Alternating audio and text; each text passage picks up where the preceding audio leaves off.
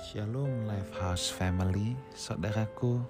Dalam hati kecil kita yang paling dalam, pasti kita ingin hidup kita menghormati Tuhan. Bahkan sebagian besar di antara kita pasti sungguh-sungguh ingin menghormati Tuhan. Satu kali dalam Yesaya 29 ayat 13, oleh karena bangsa ini datang mendekat dengan mulutnya dan memuliakan aku dengan bibirnya. Padahal hatinya menjauh daripadaku dan ibadahnya kepadaku hanyalah perintah manusia yang dihafalkan. Saudaraku, menghormati Tuhan itu harus berasal dari hati. Harus dari hati dulu, bukan dari apa yang terlihat, bukan dari apa yang terucap.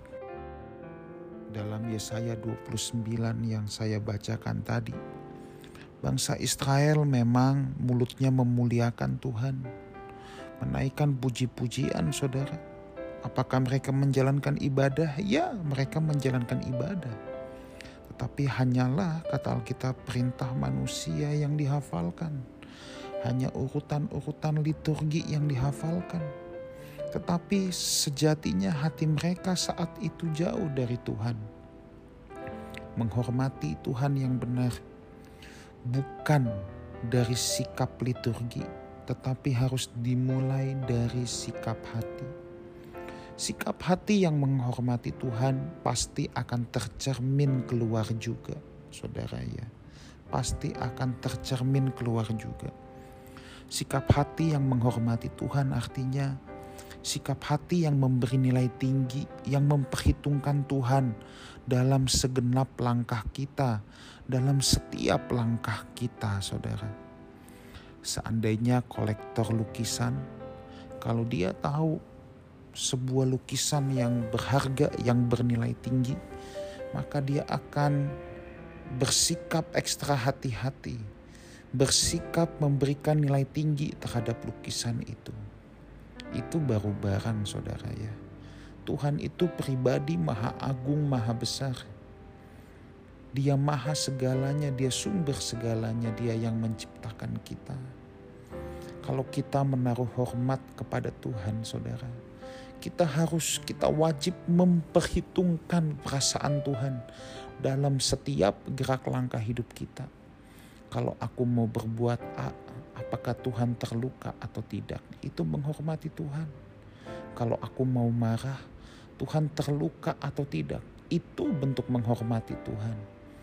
Kalau aku mau merugikan orang lain, aku mau kasar sama orang lain, aku mau menindas orang lain, apakah aku melukai Tuhan atau tidak. Kita selalu membawa perasaan Tuhan dalam gerak langkah hidup kita. Itulah sejatinya menghormati Tuhan. Menghormati Tuhan tidak bisa diukur dari pakaian apa yang dipakai ke gereja misalnya.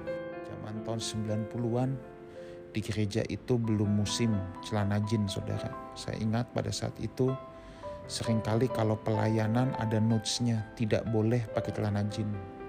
Bahkan ada kawan saya melayani pakai celana jin ditegur oleh panitia. Katanya itu celana dari setan. Lalu kawan saya berkata, oke okay, tunjukkan saya mana celana dari surga.